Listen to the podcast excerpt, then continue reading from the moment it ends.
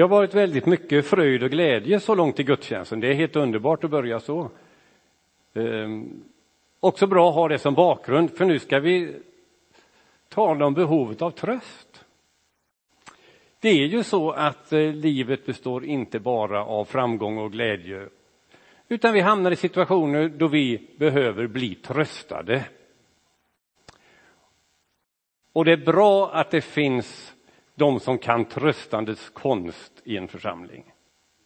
Det har också varit jättemycket bibelställen. Tack eh, Ingemar, jag älskar ju den där mycket bibel. Och I den här predikan kommer det nog att bli hälften eh, bibelläsning. Och eh, så vill vi ha det. Och då slår det mig när jag funderar utifrån Bibeln då om tröst, att det står så mycket om tröst. Jag blir nästan förvånad. Så nu ska vi börja med några bibelställen om tröst. Och vi får hjälp här. Ni har ju biblar med er en del och det finns också i bänkarna och så. Men vi tar det också på väggen här får vi se. Om ni kan läsa där det passar er då. Bibelord om tröst. Bra. Och då börjar vi i Gamla testamentet, profeten Jesaja. Han får uppmaning av Gud, tala tröst till folket. De behöver tröstas. Guds folk behöver tröstas. Vi som församling behöver tröstas. Trösta, trösta mitt folk, säger Gud. Och då får profeten tala tröst. Vi kan gå till Nya testamentet, Lukas 2. Den gamle mannen Simon i templet som väntar på att Jesus ska komma. Och han får se honom som liten då, som nyfödd, när Josef och Maria bär fram honom. Och det står om Simon att han väntade på Israels tröst. Alltså Jesus är vår frälsare, herre och mästare, men han är också vår tröstare.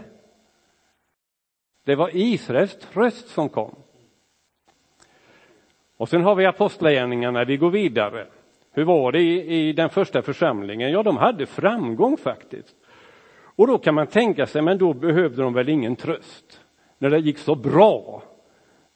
Ja, då ska ni få läsa här och då visar det sig att trösten är en framgångsfaktor. Mm. Lyssna. Församlingen hade nu lugn och ro i hela Judeen, Galileen och Samarien.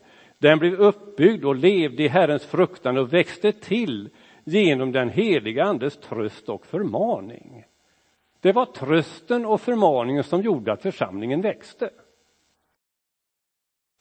Det var lite nya tankar för mig när jag fördjupade mig i de här bibelorden. Och sen har vi den som talade starkast till mig. Det är andra Korintierbrevet, första kapitlet. För här kommer vi in i eh, det här flödet av tröst kan man säga. Välsignad är vår Herre Jesu Kristi Gud och Fader barmhärtighetens fader och all trösts Gud. Han tröstar oss i alla våra svårigheter så att vi med den tröst vi själva får av Gud kan trösta var och en som har det svårt. Vi talar ju ofta om att det finns flöde från Gud till oss och ut till andra människor. Ett av dessa flöden är tröst. Vi ger trösten vidare och på det sättet flödar trösten genom församlingen. Från Gud till oss, ut till andra människor. Jag känner att jag vill leva i det flödet. Tröstens flöde. Men då kanske vi behöver lära oss lite om tröstandets konst. Och det får man lära sig om man går en utbildning till diakon till exempel. Eller när man får lära sig någonting som handlar om själavård och omsorg och så. Så jag tänkte bara dela med er av det. Men först så konstaterar vi att Gud tröstar oss i alla våra svårigheter. Det står ju inte i den här texten att han låter oss slippa alla svårigheter. Om det hade stått det, då hade jag haft svårt med texten, för då hade det inte stämt med verkligheten.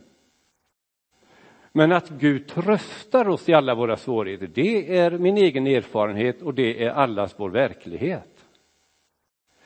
Och då kom jag faktiskt att tänka på läkareden. Och vi kan ta den.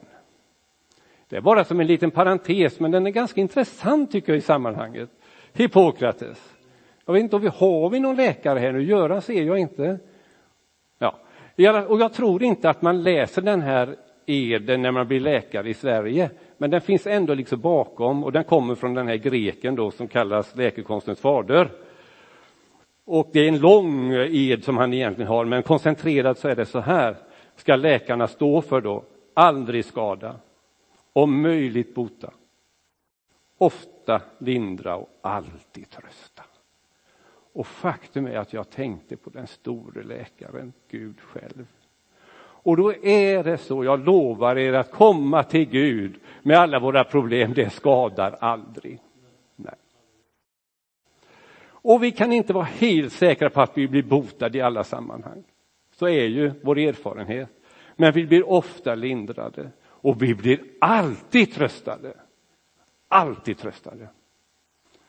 Eh, så på något sätt så har Gud också samma, tycker jag, kodex som de vanliga läkarna har.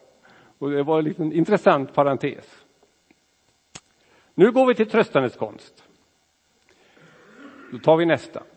Och det är de här enkla, mycket enkla reglerna. Och de har också ett sånt språk så att vi alla kan komma ihåg det, tror jag.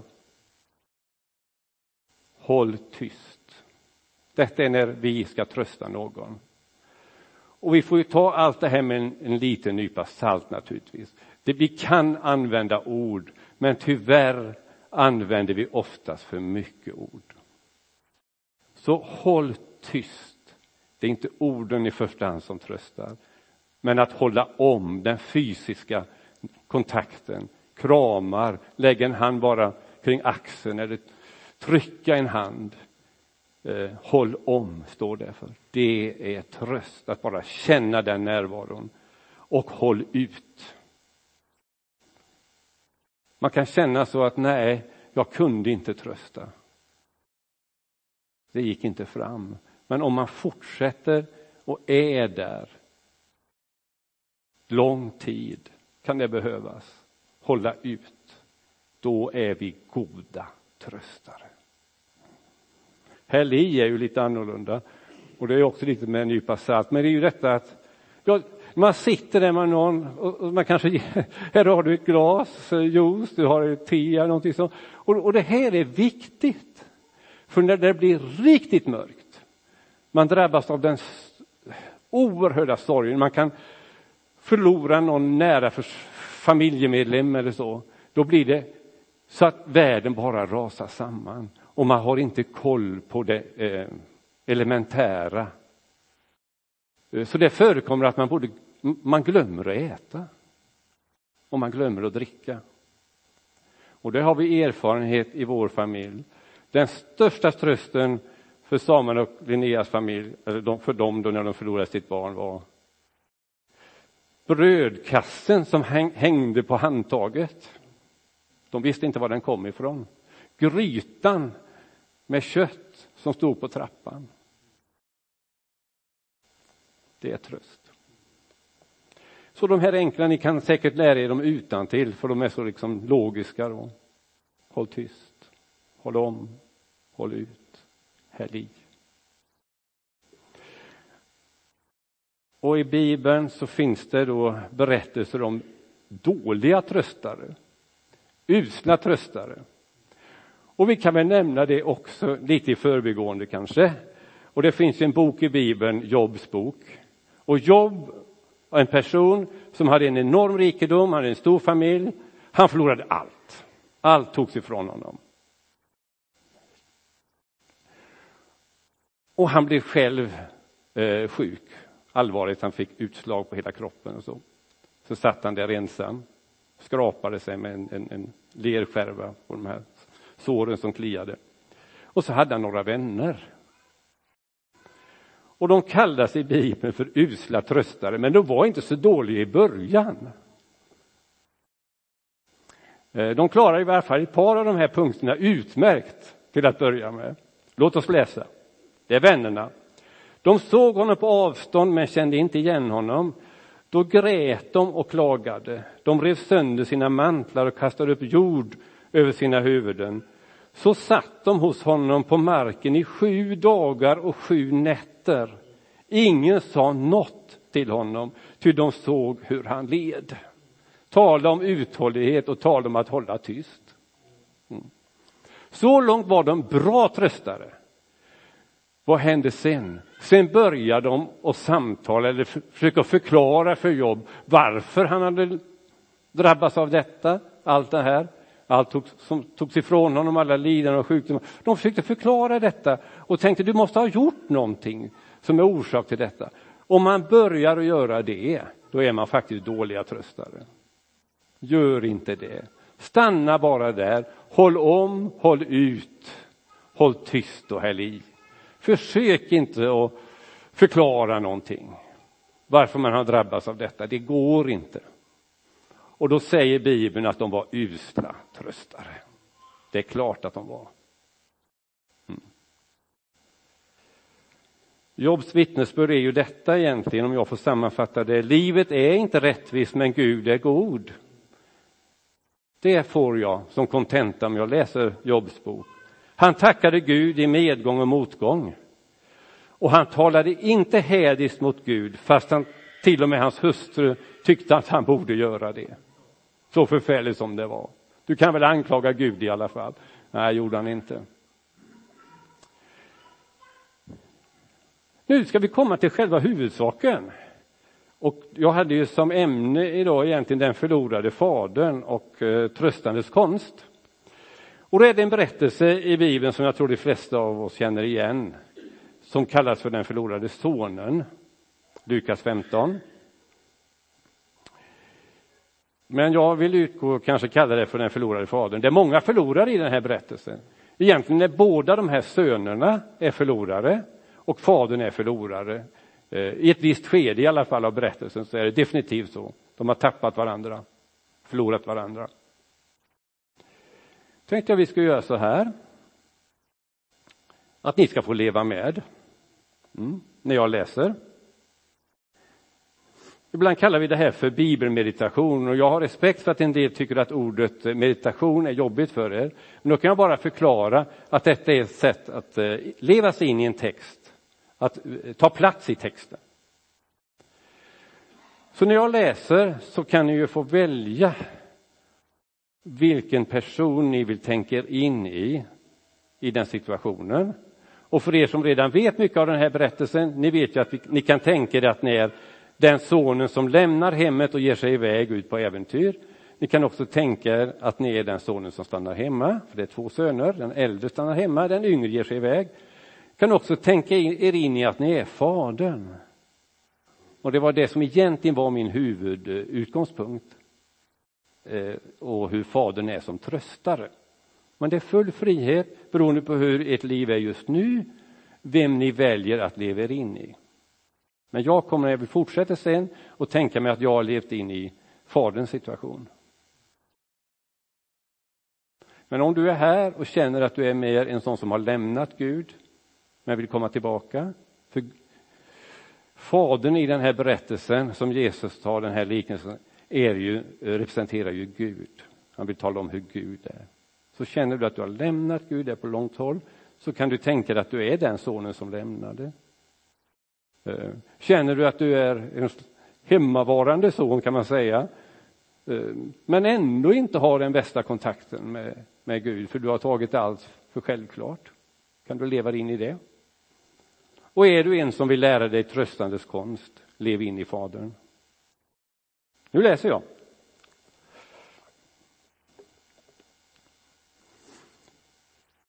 Jesus sa, en man hade två söner. Den yngste sa till fadern, Far, ge mig den del av förmögenheten som ska bli min. Då skiftade fadern sin egendom mellan dem.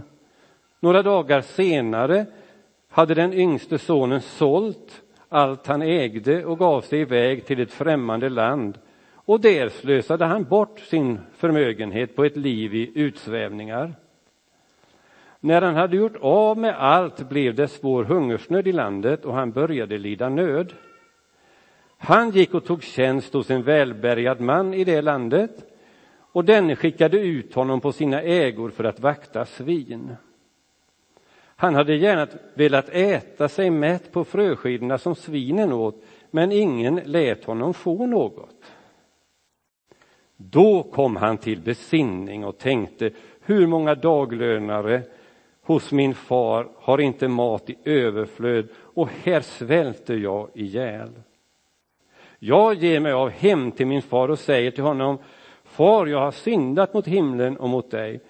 Jag är inte längre värd att kallas din son.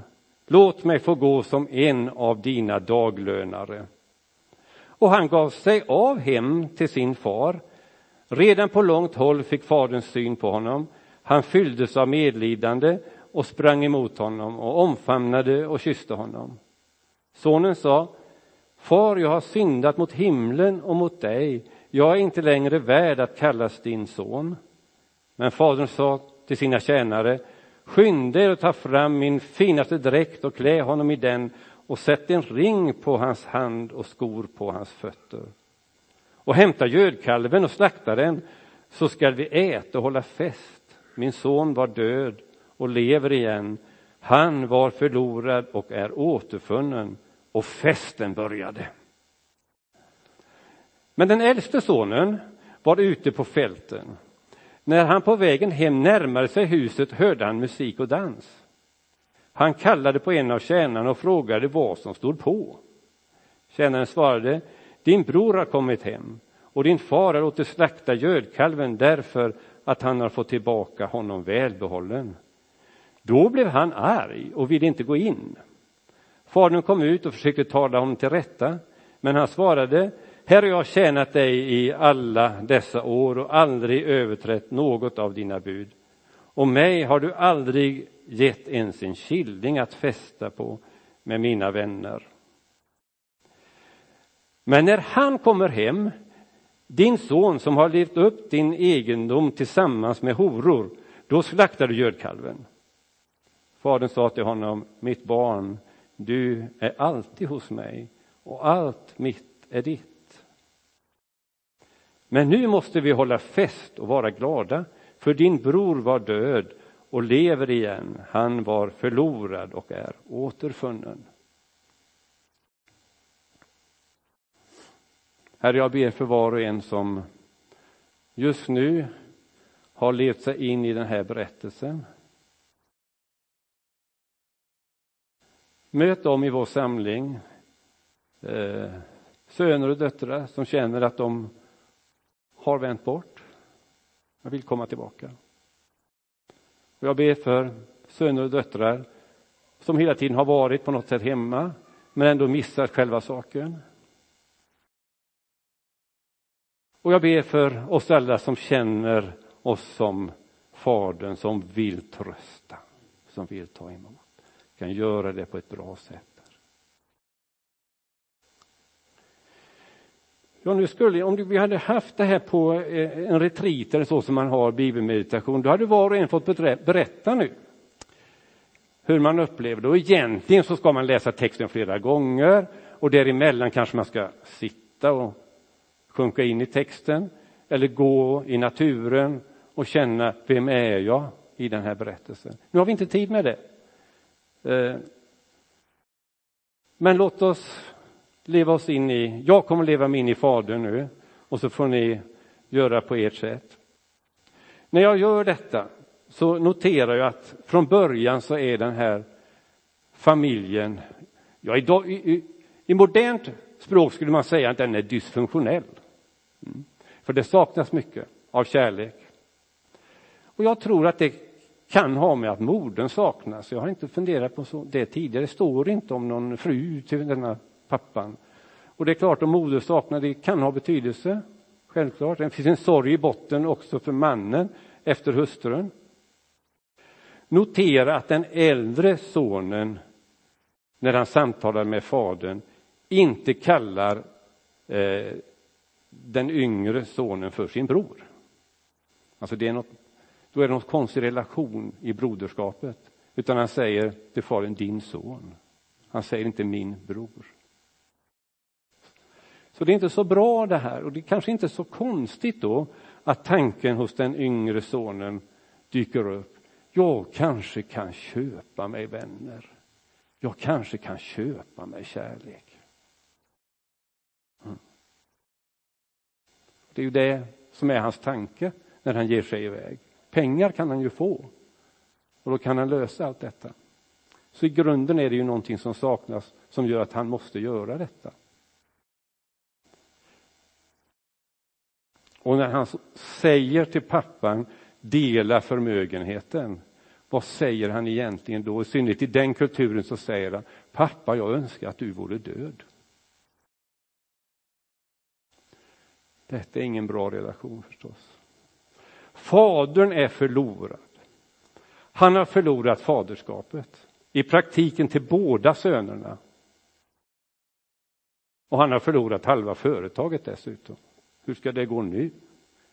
För den yngste sonen, han sålde ju hälften. Så det har blivit någon annan som har halva egendomen. Hur ska det gå?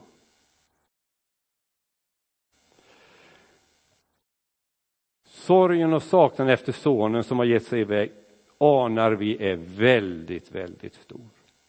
Och han tänker nog att nej, det går nog inte bra för min yngste son där borta i det landet. Och han känner verkligen eh, faderskänslor för honom. Fast det är långt bort och han kan inte trösta. Han skulle gärna vilja trösta, men det är svårt att nå. Hade det varit idag så hade han kanske smsat varenda dag och sagt hur är det med dig? Och du är välkommen hem. Men det kunde han inte. Men han kunde gå ut varenda dag och spana, för det tror jag han gjorde. För han kunde inte haft sån tur att han råkade stå där precis när eh, sonen kom. Han var där ofta. Vad har vi? Håll ut i din önskan att få trösta och möta med fadersfamnen. Han höll ut. Jag tror att fadern också sörjer eh, den skadade relationen med den sonen som var hemma. För han verkar dra sig undan. Jag kan läsa det mellan raderna. Han kanske rent av är avundsjuk. För att det inte var han som hade modet att begära förmögenheten och ge sig iväg. Man vet inte vilka tankar som finns där. Men det är inte otänkbart.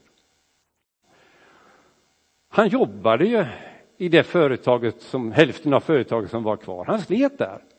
Men han gjorde det knappast med glädje, verkar det som. Och det var ingen äkta säga, far-son kompanjonskap i detta företaget. Det var det inte. Fadern är helt ensam. Han har två bortvända barn. Men sen är det ju så att i det främmande landet så kommer den yngste sonen till besinning. Ordet betyder komma till sig själv och det behövde han sannerligen göra. Han kom till sig själv, han fattar sin situation. Och då är han och vaktar svin. Det är en förnedrande sysselsättning för en, en jude, för det är ju ett orent djur. Bara det, han var så lågt man kan tänka sig i, i sitt arbete då. Men när han kommer, har vi sagt redan på långt håll, när han närmar sig så ser fadern honom. Han springer för att möta. Och det var någonting som en vuxen man inte borde eller skulle göra i den kulturen. Och dessutom var han en förmögen man och de sprang definitivt inte. Det var andra som skulle springa efter dem och passa upp dem. Nej. Så här bröt han mot all kodex, men eh, vad gör man inte för att trösta?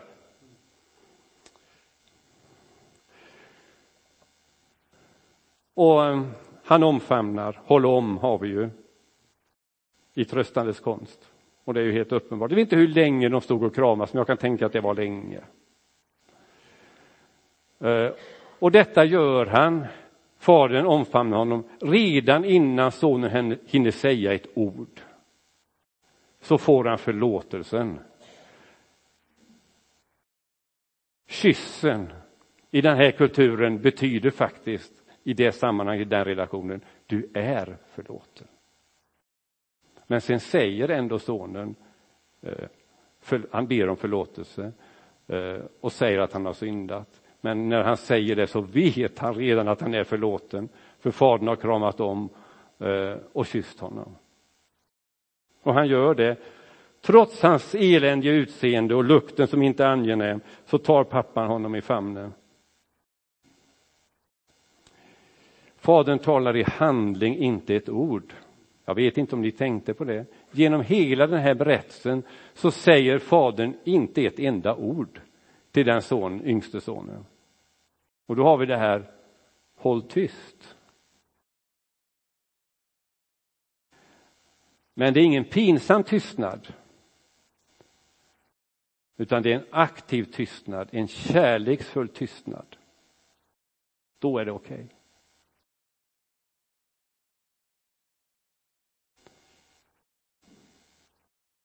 Han ger honom kläder, skor och ring. Och eh, ringen betyder du är mitt barn, om vi nu skulle säga så. Igen bekräftas detta, du är mitt barn. Det var ju så att när sonen var på väg hem så tänkte han ut en massa saker som han skulle säga.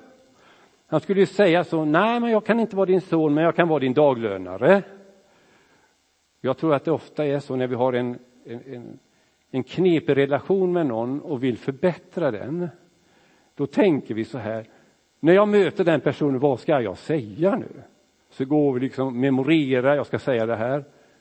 Hur många gånger har jag inte varit med om när vi verkligen möts och kramar om varandra så behöver vi inte säga så mycket av det där. Känner ni igen det? För det är kramen som är det viktiga, inte orden.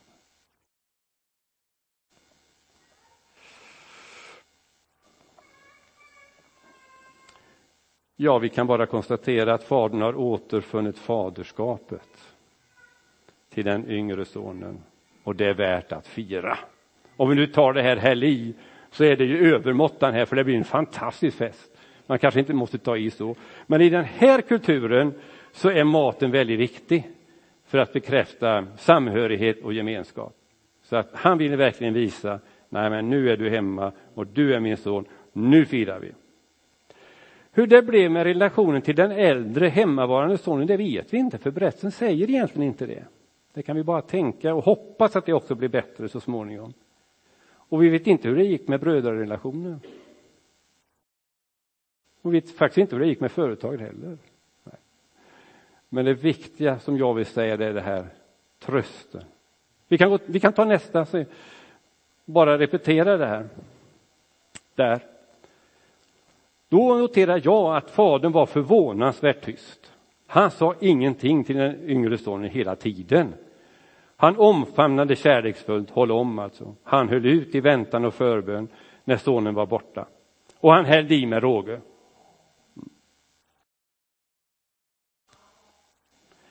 Jag skulle vilja avsluta med att gå tillbaka till eh, eh, en av huvudtexterna som jag läste först, från andra Korinthierbrevet. För det här talar så starkt till mig. Att här står vi som församling i tröstandets tjänst och tröstandets konst.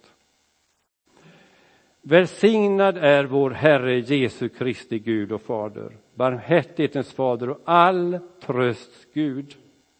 Han tröstar oss i alla våra svårigheter så att vi med den tröst vi själva får av Gud kan trösta var och en som har det svårt. Herre, jag tackar dig för att du står där med en öppen fadersfamn, en kärleksfull famn som vill trösta var och en av oss, hur än vår situation har varit. Om vi är som den son eller dotter som har varit borta, som har gett sig iväg, så står du där med din kärleksfulla famn och vill ta emot oss, välkomna oss tillbaka i din kärlek som söner och döttrar på riktigt. Om vi är som den hemmavarande sonen så tar du emot oss också. Vi som borde veta allt som vi har i dig som vår far men ändå har missat. Visa oss Gud vad, vad du har för oss som barn. Och sen ska du hjälpa oss att vara goda tröstare. De som vi har i vår närhet, de som vi har i församlingen som eh, i vissa tider behöver denna trösten som är en källa från dig själv som är all tröst, Gud. Att vi kan stå där och möta, ta emot och vara goda tröstare. Herre, om vår församling är i en situation att vi behöver tröst, Herre, ge oss tröst. Gör det. Vi behöver det. Amen.